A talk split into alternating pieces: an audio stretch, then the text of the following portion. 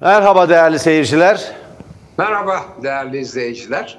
Bugün gerçekten çok önemli e, noktalar e, var e, haberlerde. Bir birikim e, özellikle. E, bence birinci maddede tabii koronavirüs olayı geliyor. E, yani abuk sabuk söylemler, abuk sabuk önlemler ve tabii sonra abuk sabuk ölümler oluyor. E, ama e, ben e, dün 10 Kasım dolayısıyla bir e, temelinde tıp fakültesi ve bir tıp dehası, bir tıp dahisi yatan bir üniversitede e, konferans verdiğim için e, sağlık e, personelinin özellikle hekim kardeşlerimizin nasıl canla başla nasıl bütün varlıklarını e, hastalarına, ülkeye adayarak çalıştıklarının öykülerini dinledim. İnanılmaz bir şey ve yani e, örneğin organ naklinde Türkiye dünya zirvesinde e, Mehmet Haberal organ naklini gerçekleştiren sadece bir cerrah olarak değil, Türkiye'nin e, siyasal, e, hukuksal ve kültürel yapısını değiştiren ve bütün dünyayı etkileyen bir profesör olarak e, Dünya Organ Nakli e, Derneği'nin e, başında e, onun lideri olarak bütün dünya tarafından seçilmiş. Ama esas olarak bu koronavirüs olayında e, nasıl bir e, e, sağlık, e, Cumhuriyet'in sağlık e, yapısının nasıl başarılı olduğunu orada görüyorum. Fakat tabii söylenen bir şey var. Diyorlar ki esas olan tedavi değil. Biz tedavi için de canımızı dişimize takıyoruz ama esas olan e, bu salgını... Hocam tabip odasının da bir açıklaması var. Onu konuşabildiniz evet. mi orada? Bir kırıma dönüştü evet. diyor Türkiye'de. Evet, evet. Tabip tabii, odası açıklamasında. Evet evet tabii aynı aynı şeyleri söylüyorlar da ben şimdi tabip odası onu açıkladığı için ayrıca onu vurgulamak istemedim. Ayrıca açıklanan sayıların e, güvenilirliğini de tabii sorguluyorlar. E, yani e, biraz hekimlerle içli dışlı onlarla ahbabı olanlar filan zaten bütün bunlardan haberdar. E, daha yeni haber vardı. Koronavirüsten ölmüş, normal ölüm diye raporu verilmiş filan. Şimdi bu çok önemli e, ve abuk sabuk önlemler dedim. 65 yaş ve üstü İstanbul'da ve galiba Bursa'da ve arkadan başka kentlerde gelir. 65 yaş ve üstü saat 10'dan önce çıkamıyor ve 16'dan sonra çıkamıyor. Şimdi bir şey hemen belirteyim. Benle hiç ilgisi yok değerli izleyenlerim. Ben hem Tele1'de aktif çalışan programcı ve e, tartışmacı olarak hem Cumhuriyet Gazetesi'nde yazar ve yönetici olarak bu e, sınırlama, kısıtlama e, yasak her neyse adı muafım. Ben her dakika çıkabilirim. Dolayısıyla söyleyeceklerimi sakın benim kişisel özgürlüğüme müdahale diye algıladığım için yaptığımı eleştirileri yaptığımı sanmayınız. Böyle şey olmaz. Yani 65 yaş ve üstünü böyle sınırlayarak hiçbir yere varamazsınız. Aynen bu barların ve kafelerin saat 10'da kapatılması Artık bir gibi. şiddete dönüştü. Rıza Sümer bu 65 yaş üstüne bir şiddet uygulamaktır diyor. Haklı. Haklı. E, şey de öyle abuk sabuklu kararlar diyorum.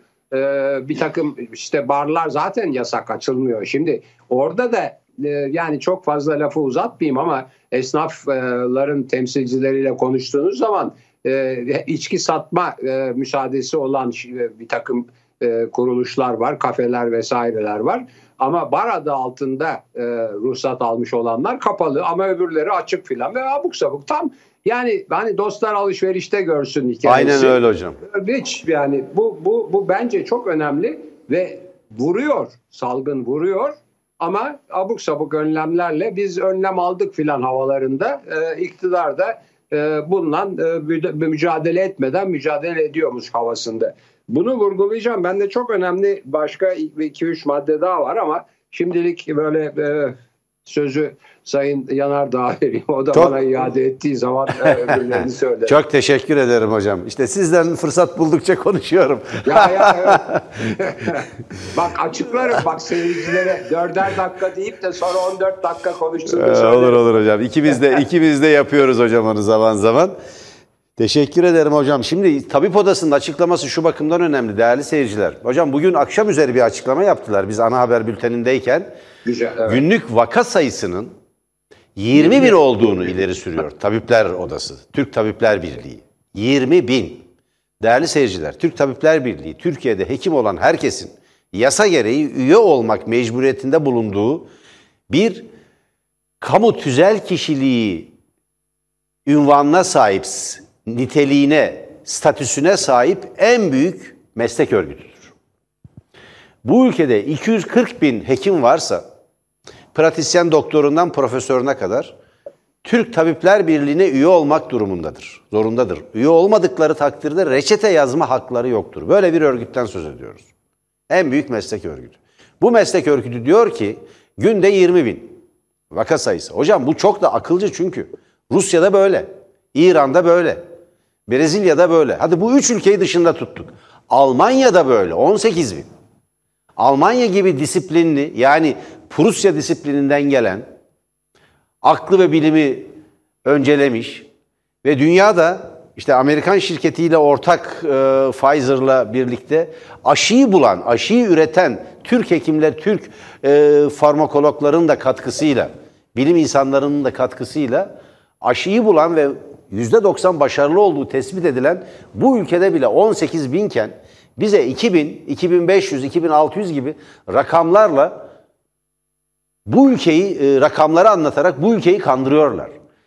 Şunun yani bu yaklaşımın şöyle bir sonucu var. Bir, devlet yalan söylemez, yalan söylüyorlar.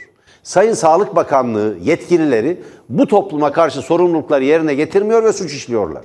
Bana göre. Suç işliyorlar. Vaka sayısının bu kadar düşük olarak ifade edilmesi ki günlük ölüm oranları, ölüm e, rakamları kaybettiğimiz yurttaşlarımızın sayısı 80'i geçti. 85, 86, 87 seviyesinde gidiyor. 18'de günlük 18 ölümden 88 ölüme geldik. 88 ölüme geldik. Şimdi bakın evet bugün son 24 saatte 86 kişiyi kaybetmişiz. Yurttaşımızı kaybetmişiz. Hemen son dakika bizim alt banttan geçiyor. Bütün seyircilerimiz son dakika yazan kırmızı alt bandımızı izlerlerse bugünkü rakamları görecekler. Toplam kaybettiğimiz yurttaşlarımızın sayısı 11 bini geçti. İstanbul'da bir karantina uygulanması isteniyor. Şimdi İzmir depremi oldu. Canla başla çalıştılar itfaiyecilerimiz, AFAD mensupları ve diğer kurtarma ekipleri, madenciler. Fakat kaçınılmaz bir biçimde iç içe çalıştılar. Yakın çalıştılar. İzmir depremine yaptığımız ulus olarak katkıda bulunmak durumundaydık. Başka çaresi yoktu. Ama önlem alınmalıdır. Tıpkı Ayasofya'nın açılması gibi. İkinci patlamanın nedenlerinden biri de İzmir depremi olabilir. Çünkü Türkiye'nin her yerinden ekipler gitti oraya. Ve geri döndüler. Geldikleri illere geri döndüler. Bursa'sı, Balıkesir'i, İstanbul'u, Ankara'sı, Muğla'sı. Bunlara dikkat etmek gerekiyor. Türkiye'de devlet, devlet yalan söylüyor yurttaşlarına karşı. Evet. Bu sorumluluğu yerine getirmeliler. Şimdi e, hocam şeyde e, Rusya, İran, Rusya ve Brezilya'da ölüm günü ilan ettiler. En yüksek sayıda ölümler var. İran'da bugün haberlerimizde var bizim 426 kişi son 24 saatte ölmüş koronavirüsten. Rusya'da 428 kişi. Brezilya'da yine 400'ün üzerinde orada tam sayıyı saptamak da biraz zor. Evet. Almanya'da evet. ölüm oranı yüksek değil ama vaka sayısı hemen hemen Rusya ile İran'la aynı. Evet. Ben merak ediyorum Türkiye'de nasıl şimdi vaka sayısı kaçmış? Evet 3095 olarak verilmiş. Bu mümkün değil. E işte vaka sayısını da bastırıyor. Oradan ölüme ölümü de bastırıyor. Evet. Evet. Şimdi e, benim e, ikinci olarak üzerinde durmak istediğim aslında çok fazla o konuda konuşmayacağım. Hemen vurgulayıp geçeceğim. Halen e, devam eden bir dava, Cumhuriyet mensuplarının davası. Çünkü hala e, Yargıtay bozdu, e, efendim yerel mahkeme ısrar etti, e, direndi kararında filan. Hala o böyle havada duran bir bir bir e, dava. O davada Avrupa İnsan Hakları Mahkemesi Türkiye Cumhuriyeti Devleti'nin yani yargının e, Cumhuriyet çalışanlarının özgürlük haklarını kullanmalarını ihlal ettiğine karar verdi. Ve hepsine tazminat ayrı ayrı tazminat ödenmesine karar verdi. Şimdi tabii medyanın yüzde 98'i 99'u iktidarın denetiminde ve emrinde olduğu için bu yani bizim e, Tele1 gibi filan bir, birkaç kanalın ve Cumhuriyet Gazetesi gibi birkaç gazetenin dışında duyurulmadı bile. Ama bu fevkalade önemli bir olay. Çünkü burada Yargıtay'ın verdiği bir karar ve ona e, karşı bir direnme söz konusu. Avrupa İnsan Hakları Mahkemesi de o konuda devreye girdi ve Türkiye devletinin siyasetin maalesef çok büyük etkisini açık hale getirilen yargısını mahkum etti. Bu bir. İkinci söylemek istediğim şey e, bunun üstüne daha da duracağım birazdan çünkü sözü gene ben ben kurallarına uygun e, e, bu sizi, sizi kutluyorum hocam. Götürmeye çalışıyorum. Önümde şey açık, e, kronometre açık. Her dört dakikada ben, Ben sicili çıkartacağım yakında. Dakika sicilini. Efendim, ben kazanırım. Evet tabii siz kazanırsınız. Yüzde doksanını neredeyse siz kullanıyorsunuz. Yok çünkü. öyle değil tersinden. evet, Telim evet. oyunu yok. Şimdi Evet, ikinci ikinci söylemek istediğim şey e, yani üçüncü aslında e, koronavirüse ek olarak e, Amerikan seçimleri ve oradaki e, ya abuk sabuk olaylar yani değerli izleyiciler Türkiye'deki e, şahsım devleti e, ne kadar abuk sabuk kararlar filan veriyorsa yapıyorsa Amerika'ya bakıyorsunuz orada daha da abuk sabuk şeyler oluyor. Yani herhalde bu arada dünya çıldırdı. Bütün devletler, devlet yöneticileri, devlet yönetimleri garip garip şeyler yapıyorlar. Şimdi mesela işte o Biden'ın e, Carpenter önemli bir adam. Yani belki e, National Security Advisor olacak, belki Secretary of State yani Dışişleri Bakanı olacak filan bilmiyoruz. Tabii o oradaki iç işlerini bilmek mümkün değil. Çünkü Amerika demokrasisi şahsım devletine biraz daha yakındır. Biz gerçi onu da geçtik. Amerikan başkanlık sistemini filan çok geride bıraktık. Biz biz onların hayal bile edemeyeceği e, yetkilerle donattık başkanımızı. E, fakat şey direniyor. Trump direniyor ve Şimdi Trump direnirken ailesi buna karşı çıkıyor. Damat karşı Hocam çıkıyor. Hocam ben e, ben de kendi yazdığım gazeteden bahsedeyim. Ben Bir Gün gazetesinde yazıyorum değerli seyirciler. Haftada bir gün evet. pazar günleri. Orada son yazımda bu iş karakolda biter demiştim. Galiba öyle olacak. Evet. Şimdi ben hemen bir de tamamlayıp size veriyorum. Şimdi e, Trump'ın ailesi içinde yani damadının ve eşinin de e, bunu e, barışçı yolla efendice artık e, yenilgiyi kabul etmesi gerektiğini söylediği CNN özel haberi olarak veriliyor e, güvenilir kaynaklardan. Fakat beni şaşırtan çok önemli bir şey var. Beni bu aslında bu iktidar yani Türkiye'deki iktidar da şaşırtmıştı bazı açılardan. Yani bu AKP'nin içindeki bazı yani hukukçuların tavırları şaşırtmıştı. Şimdi e, Cumhuriyetçilerin e, senatoda çoğunlukta olduğunu biliyoruz. Bir iki kişilik bir çoğunluk ama yani 100 kişilik evet. senatoda 51-49 filan gibi.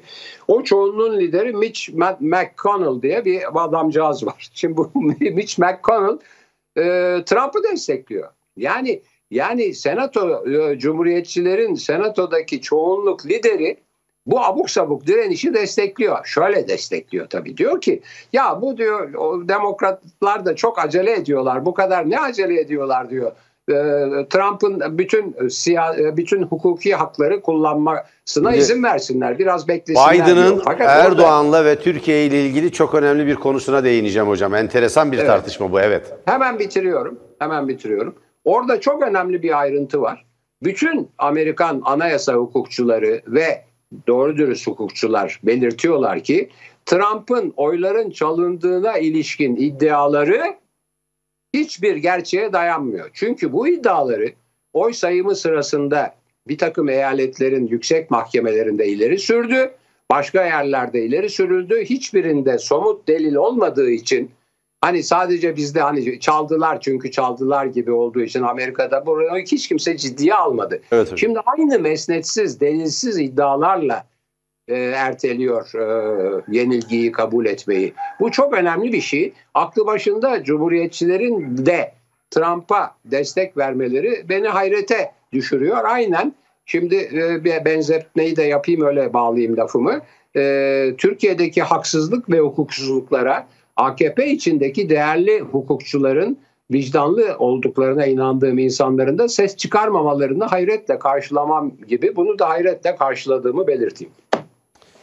Hocam çok önemli bir gelişme var. Ben AKP'nin e, şimdi Erdoğan'ın, Sayın Erdoğan'ın büyük bir sürprizle bir acı reçeteden söz ettiği e, bugünkü grup toplantısına geleceğim. Yani halkı, Türk halkını, Türkiye'deki bütün yurttaşlarımızı önümüzdeki günlerde acı bir reçete bekliyor. Demek ki neymiş? AKP ekonomiyi 18 yıl sonra getirmiş, bir duvara çarptırmış. Bir Onun ya da haberini- bir onun- uçurumdan aşağıya atmış Onun haberini ekonomi. verdi. Bugünkü konuşma onun haberi değil Evet. mi? Bugünkü Bir acı reçete, acı da olsa doğru reçeteleri uygulayacağız diyor. Tam söz bu. Ekonomi yönetimi bütünüyle değişti e, değerli seyirciler. Damat kaçtı. Affını istedi. Damat gitti. Merkez Bankası Başkanı da gitti. Ve öyle anlaşılıyor ki bu acı reçetede faizler yükselecek. Faizler yükselecek. Enflasyon aşağı çekilmeye çalışılacak. Döviz kontrol edilmeye çalışacak. Bugün piyasalar ona bir cevap verdi. Bir miktar düşüş gerçekleşti fakat aslı şudur. Yoksulluk artacak, sefalet artacak, iflaslar yaygınlaşacak, işsizlik büyüyecek ve Türkiye'yi yağmalayan bir avuç oligarşi, yani bir avuç, bir avuç egemen, buna oligarşi diyebiliriz doğru tanımla. Türkiye'deki oligarşi buradan kazanacak. İslamcı oligarşi. Yeni oligarşi. Yeni düzenin oligarşisi buradan kazanacak. Bir istikrar sağlamaya çalışacakları. Niye acı reçete? Acı da olsa doğru diye tarif edilen. Niye? Neden? 18 yıldır bu ülkeyi Marslılar mı yönetiyor? Veyahut Venüslüler mi? Kim? Siz varsınız ya. Bütün yetki, bütün güç elinizde. Evet, Dış düşmanlar mı müdahale etti? Bu açıklayacağınızı söylediğiniz şey neydi? Çok önemli bir şey açıklayacağım dediniz. Devam ediyorum hocam. Sürpriz. Yok çok kolay hocam. Açık kaynaklarda olan bir şey. Ben Biden'a geleceğim. Şimdi Biden'ın diplomasi danışmanı var. Yani bir dış politika danışmanı. Michael Carpenter. Önemli Evet. bir adam. Önemli bir adam. Bu adamın Biden yönetiminin bu danışmanın Türkiye ile ilişkilerinin bundan sonra nasıl yürütüleceğine ilişkin önemli ipuçlarını içeren bir açıklaması var. Türkiye'yi köşede şu, tam şunu söylemiş. Yani laf Çöker- şu. Çökertmeyeceğiz diyor. Çökertmeyeceğiz. Evet. Ekonomisini çökertmeden yola getireceğiz. Evet. Şimdi bakın. Demek ki neymiş? Amerika'da Türkiye'nin ekonomisini çökertmiyormuş. Bence Amerika'ya gerek yok. AKP iktidarı yetiyor ona. Yetiyor ona. Yani Carpenter'a mümkün olursa ulaşacağım ya o kadar zahmet etmeyin. Yani zaten ekonomimizi çökertmeye kalksanız ilk önce karşınızda bizi bulursunuz. Bu ülkenin yurtseverlerini bulursunuz merak etmeyin. Sizin işbirlikçileriniz yani Amerika'nın işbirlikçileri olan bu muhafazakarlar, bu AKP'liler buna karşı çıkmaz. iktidara siz getirdiniz. O bakımdan gerek yok. Ekonomiyi zaten çökertemezsiniz. Çökmüş bir ekonomiyle karşı karşıyayız bir. Fakat önemli olan şu. Tam laflarını e, Michael Carpenter'ın okuyalım. E, Bu önemli. Biden'ın e, diplomasi danışmanı Carpenter, Amerikan Büyükelçisi e, Lamberdinis ve ABD'nin Yunanistan Büyükelçisi Piat'la birlikte Avrupa Birliği İşleri Bakanı Lucy ve diğer yetkililerin katıldığı bir video konferansta söylüyor bunu. Açık ortamda. Yani bir gazeteciye verdiği demeç de değil. Türkiye'yi köşeye sıkıştırmak ya da yaptırımlar yoluyla ekonomisini çökertmek arayışında değiliz diyor. Ama ama Türkiye'nin Rusya'dan S-400'ler satın alması, Doğu Akdeniz, Libya, Dağlık Karabağ ve Suriye politikaları gibi sorumsuzca yürüttüğü ve bir müttefike yakışmayan davranışlarına da izin vermeyeceğiz diyor. Şimdi şunu Evet. söylemeye çalışıyorlar. Elimizde iktidara getirdik. Amerika'nın derdi bu. Evet. Orta Doğu'daki kirli işlerimizi hallettirdik. Kudüs'ün Kudüs'ün baş İsrail'in başkenti haline gelmesini, başkent olmasını, başkent olmasını AKP iktidarı sayesinde sağladık. O ünlü videoyu hatırlayın. İsrail'in başkenti Kudüs'e hoş geldiniz diyor Başbakan eee, Sayın Erdoğan'a. Erdoğan'ın hiçbir itirazı yok. İsrail Kesinlikle. milletinin başkentine hoş geldiniz diyor. Tek bir itirazı yok. Bunu biliyorlar. İtiraz ettikleri Evet, şey bu. evet. Yani Biden'ın Biden'ın e, AKP ile ilişkilerinin sert seyredeceği ama Trump gibi ekonominizi de yıkarım bak sizi mahvederim gibi yani Yok sokak canım. kabadayılarına özgü bir yöntemle de hareket etmeyeceği anlaşılıyor. Söyleyeceğim Evet. şey buydu hocam. Buyurun. Evet çok çok güzel. Çok teşekkür ederim. Ben de bu bölümde Amerikan seçimleri ve Biden'la Trump farkı üzerinde duracaktım. Çok teşekkür ederim. Çok güzel bir giriş oldu bence.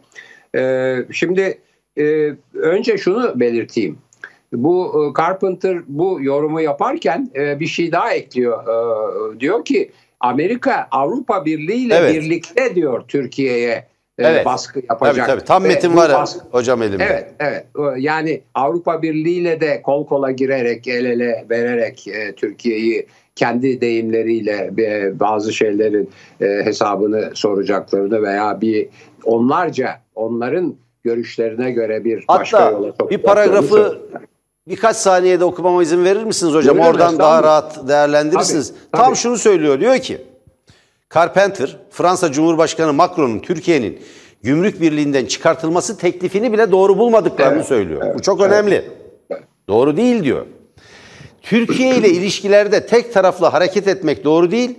Sorunlara balyoz ile yaklaşmayı doğru bulmuyoruz. Ama bu Türkiye'ye karşı Avrupa Birliği'nin elinde önemli kozlar olduğunu ortaya koysa da bu kozlar dikkatli bir şekilde kullanılmalıdır. Evet. Şimdi bu bu ifadeyi hemen söyleyeyim. Ee, Ben Amerikan politikasını çok yakından son günlerde de çok yakından izliyorum. Zaten çok iyi e, sürekli izliyorum. Oradan hiç şey yapmadım. Dünyayı etkiliyor adamlar çünkü bu sözlerin temelinde aslında Trump'a bir eleştiri var.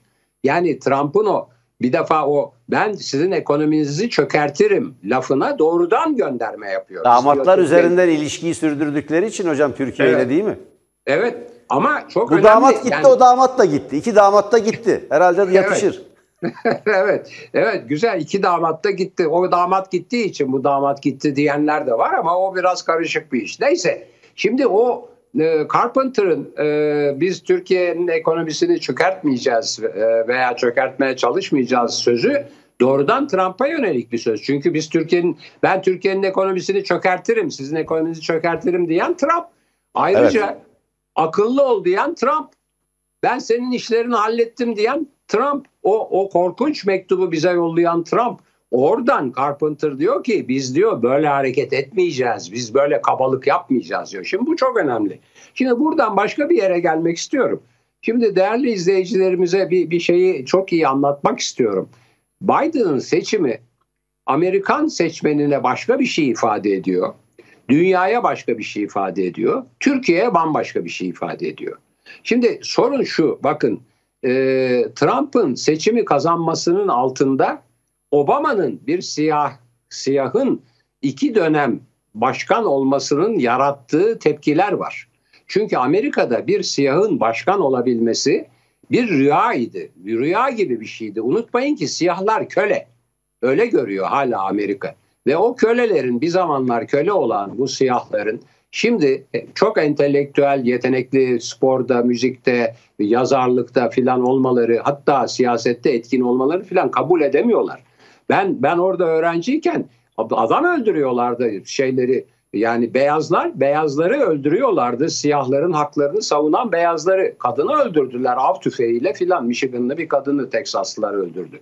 Şimdi böyle bir insan başkan olunca bütün o cumhuriyetçiler, muhafazakarlar, o redneck denen köylüler, e, gerici köylüler yani filan müthiş örgütlendiler ve tam bir tepki koydular. Trump bu tepkiyi seferber ederek seçilebildi. Gerçi son dakikada Hillary'nin o işte e, elektronik postaları filan FBI'nin orada çok kötü bir rolü vardır. Yani Hillary'ye o seçim kaybettirdi denir. Neyse o ayrı bir hikaye. Fakat Trump'ın kazanması bu Amerika'daki büyük devrimin bir siyahın başkan seçilmesinin tepkisinin seferber edilmesidir. Fakat ne yaptı Trump? Şimdi bu çok önemli çünkü bu, bu seçimi anlatmak istiyorum. Trump otoriter bir liderlikle zaten ağır aksak işleyen Amerikan demokrasisini mahvetti. Mahvetti. Bu işte yani check and balance denen yani kontrol ve denge sistemi efendim yargının bağımsızlığı, efendim e, temsilciler meclisi ile senato arasındaki dengeler en önemlisi valilerle federal hükümet arasındaki yani eyaletler sevgili izleyiciler oradaki eyaletler devlet, states, United States of America onların her biri bir devlet. Yasaları ayrı, kanunları ayrı. Mesela şimdi Georgia'da senato seçimi yapılacak, senatör seçimi yapılacak ve büyük olasılıkla senatodaki çoğunluğunu da kaybedecekler. Çünkü orada Georgia'nın kendine özgü seçim yasaları var. Farklı, federal yasalardan ayrı. Falan. Bunları bilmek lazım. Şimdi işte bu seçim yani Trump'ı reddeden seçim Amerika'da seçmenin 4 milyon oy fark var arada. 4 milyon oy yani Biden Trump'tan fazla oy aldı. Öbüründe Hillary 3 milyon fazla oy almıştı. Trump ama eyaletlerde kazandığı için başkan olmuştu. 3 milyon aleyhinde oya Fakat rağmen. ben bu Trump kadar yüzsüzünü görmedim hocam ya. Bu kadar farka rağmen adam hala Direniyor. şey çıkartıyor ya. Evet, Hala hır 4 çıkartıyor. milyon, 4 milyon. Şimdi bunu hemen bağlıyorum. hemen bağlıyorum. Bu seçim bence Amerikan seçmeninin bir siyahı başkan yaptıktan sonra gelen tepkiyle Trump'ı seçmesinin ve Amerikan demokrasisinin yozlaştırılmasının tepkisidir. Ve doğrusu ben hakikaten beklemiyordum açık söyleyeyim. Ben Trump ikinci e, dönemi kazanır zannediyordum. Pek güvenim yoktu e, demok- demokrat inancına seçmenlerin. Fakat inanılmaz bir biçimde demokrasiye, kendi demokrasilerine sahip çıktılar. Dolayısıyla Biden'ın seçilmesi seçmen açısından, Amerikan demokrasisi açısından fevkalade olumlu bir olay. Bunu bütün Amerika böyle görüyor. Daha doğrusu özgürlükten ve demokrasiden yana olan bütün Amerikalılar böyle görüyor. Fakat özellikle Orta Doğu, dünyayı AB'yi bırakalım. AB çok memnun çünkü Trump AB'ye de dirsek çevirmişti. Biden onunla birlikte çalışıyor. İşte demin söylediği gibi Türkiye politikasını bile Carpenter'ın söylediği gibi birlikte yapacaklar. Fakat bakınız yani e, Trump'ın şeyini hatırlayalım. Bir, bir defa Arap Baharı denilen olayda onu yapan Obama yönetiminin başkan yardımcısıydı. Türkiye'yi model ülke diyen, ılımlı İslam'da model ülke haline getiren projenin sahibidir. Ayrıca Orta Doğu'ya Türkiye'yi hem yönlendirdi, Türkiye'yi gö- götürdü, itti, hem de Orta Doğu'daki savaşta Kürtleri Türklere tercih etti. Ya gayet açık. Ayrıca bütün siyasi hayatı boyunca Rum ve Ermeni lobilerinin müttefiki olarak politikayı yürüttü ve öyle kazandı. Ve şimdi başka bir husus daha var. Halk Bankası e, yargısının Amerika'da davasının daha doğrusu biraz daha artık yavaşlatılması, engellenmesi durdurulacak deniyor. Böylece bir sıkıntı var. Ve bir de hiç unutmayalım e, Biden doğrudan doğruya e, bu iktidarı demokrasiyi tahrip etmekle suçladı ve demokratik yollarla değiştirilmesi için müdahale etmek istediğini belirtti. Böyle şeyler var. Dolayısıyla e, Biden'ın Amerikan seçmeni açısından çok olumlu, doğru, demokratik görünen başarısı, zaferi Orta Doğu'da ve Türkiye'de Amerikan emperyalizminin hiç de olumlu bir biçimde değişeceğine ilişkin ipuçları vermiyor. Tam tersine benim izlenimim e, emperyalist e, tutum ve davranışlarının hem Orta Doğu'da hem Türkiye'de hepimizi e, zora sokacak bir biçimde şiddetlenerek devam edeceği konusundadır. Evet. Hocam bugün e, çok önemli bulduğum bir konu daha var. Sayın e, Kemal Kılıçdaroğlu bugün ekonomi masası toplantısı yaptılar. E, gazetelerin ve e, televizyonların ekonomi editörleri ve yazarlarının, programcılarının bulunduğu da bir toplantıydı bu. E, Cumhuriyet Halk Partisi'nin kurmayları var. E, ve e, iş adamları, e, iş çevrelerinin temsilcileri, sendika ve diğer meslek örgütü temsilcileri de vardı. Bunu sürdürecekler. Bu cuma günü Adana'da olacak. Biz de Adana'daki bu ekonomi masası toplantısına Tele1 olarak, Tele1 ekonomi editörü arkadaşımız büyük bir olasılıkla bir aksilik olmazsa katılacak. Fakat ondan önce e, meclis grup toplantısında yani dün e, yaptığı meclis grup toplantısında önemli bir e, sorun var. E, Sayın Erdoğan'a yönelik önem, önemli bir iddiası var. Şimdi bu böyle iler tutar bir iddia değil. Bir iddia ama şimdi Sayın Kılıçdaroğlu diyor ki ki bu e, Cumhuriyet Halk Partisi'nin sosyal medya hesaplarından da paylaşıldı bu bölüm. E, seyircilerimiz isterse buna ulaşabilirler. Biz de ana haber bülteninde verdik. Videoda Sayın Kılıçdaroğlu diyor ki haberde açık açık rüşvet aldın diyorum diyor Erdoğan'a. Açık açık. Rüşvet aldın diyorum diye ilan ediyor Kılıçdaroğlu ve diyor ki korkudan dava bile açamıyor. Niye? Belgesini hakime göstereceğiz diye. Şimdi ya bu çok büyük bir iddia. Bu basında yani biz bir haber yaptık bunu. Bugün biraz daha öne çıkarttık fakat basında, medyada böyle bir olay yokmuş gibi davranılıyor. Tıpkı Berat E, kitap- Albayrak'ın istifası gibi. 27 saat sonra hocam. Son Evet, dakika kitapta- diye verdiler ya. Kitapta kitapta toplatıldı zaten. Evet. Yasaklandı ve toplatıldı. O kitap evet o kitap ayrı. Bu, bu konuşmasındaki bir iddia hocam. Ya o kitapta 20 diyor biz o kitapta diyor biz bunu açıkladık. Bu, bu- onun için toplattılar diyor. Yani Fakat belgeyi orada koymuyor. Kitapçıkta belge yok. Gördüm Evet, ben. evet. Bunu mahkemeye göstereceğiz diyor. Şimdi 27 saat sonra Berat Albayrak'ın görevinden affı kabul edildi diye son dakika haberi yaptılar. Ya 27 saat sonra son dakika haberi yapanları bu ülkede hala kim izliyor ben merak ediyorum. Değerli seyirciler, dostlarınız varsa, komşularınız varsa, ahbaplarınız varsa, iş arkadaşlarınız varsa uyarın lütfen. Bu ülkede Maliye Bakanlığı'nın istifa ettiğini ancak 27 saat sonra açıklayan bir televizyon kanalı, bir haber kanalı olamaz, bir gazete olamaz, bir internet sitesi olamaz. Dakika dakika dakika haber yapılan bir ülkede. Her dakika haber akıyor. Ekranlardan, televizyon ahizelerinden, elimizdeki cep telefonlarından, internet sitelerinden haber akıyor her dakika. Ama 27 saat bakın kendisine merkez medya diyen NTV, CNN Türk gibi televizyon kanalları ve bu televizyon kanallarının etrafındaki internet siteleri ve diğer e, kanalların tümü 27 saat boyunca veremediler. Peki ilk veren kim oldu? Hemen veren kim oldu? Tele1 oldu. Tele1 verdi. Tıpkı buna benzer bir şey. Sayın Erdoğan için diyor ki açık açık rüşvet aldın diyorum. Korkudan dava bile açamıyor. Niye? Belgesini hakime göstereceğiz diye. Benim buradan Sayın Kılıçdaroğlu'na da bir çağrım var. Bu böyle olmaz. Sayın Erdoğan'ın dava açmasını beklemek olmaz. Madem elinizde bir belge var, bunu götürüp savcılığa suç duyurusunda bulunmalı ve dava açmalısınız. Madem böyle bir belge varsa. Ama iddia çok vahim. Ya şimdi bunu söyleyen herhangi birisi değil. Ana muhalefet partisinin lideri, Türkiye'deki alternatif iktidar gücünün genel başkanı. Bir ittifakın lideri. Millet İttifakı'nın lideri. Fiili lideri diyelim. Öyle bir liderlik tanımı yok. Ama en büyük partinin başkanı, genel başkanı olduğu için. Açık açık rüşvet aldın diyor Sayın Erdoğan'a.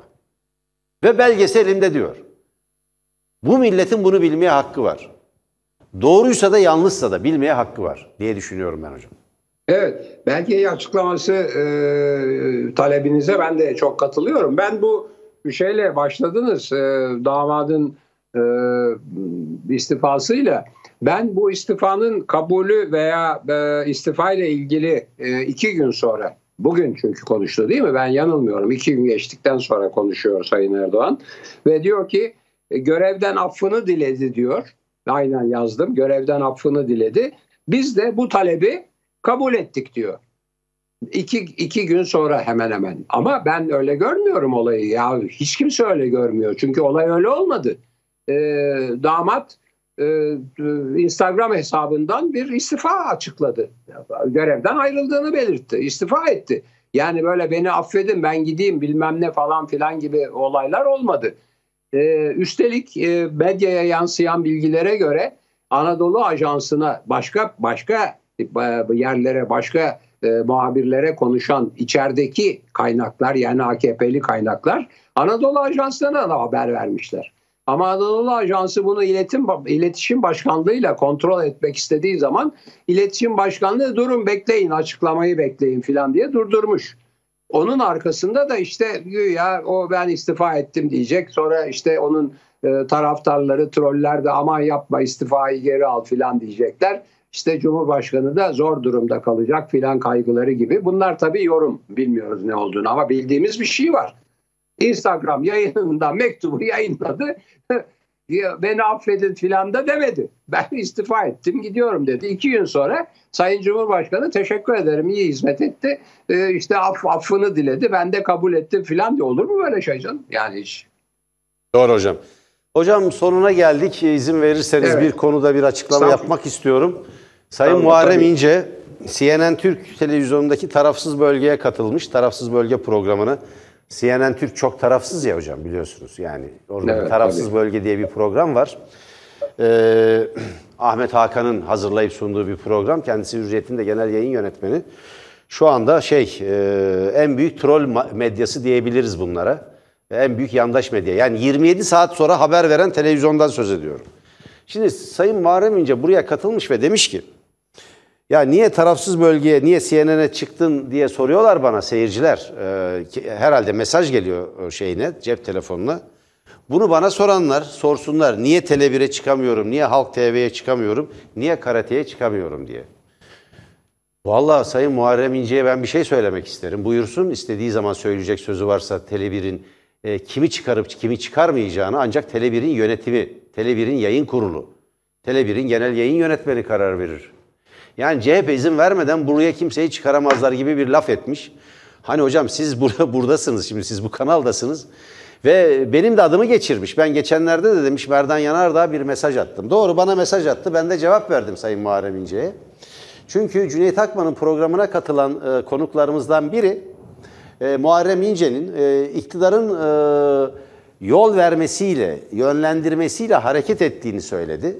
Konuklardan biri. Yani Tele1 mensubu değil. Ve Tele1'i temsil eden programın yapımcısı, bizim arkadaşımız e, Cüneyt Akman, programın sunucusu aynı zamanda müdahale etti. Dedi ki ya şimdi hani böyle demek çok ciddi bir iddia. Bir de burada yok kendisi hani buna e, bu iddiaya yanıt veremez.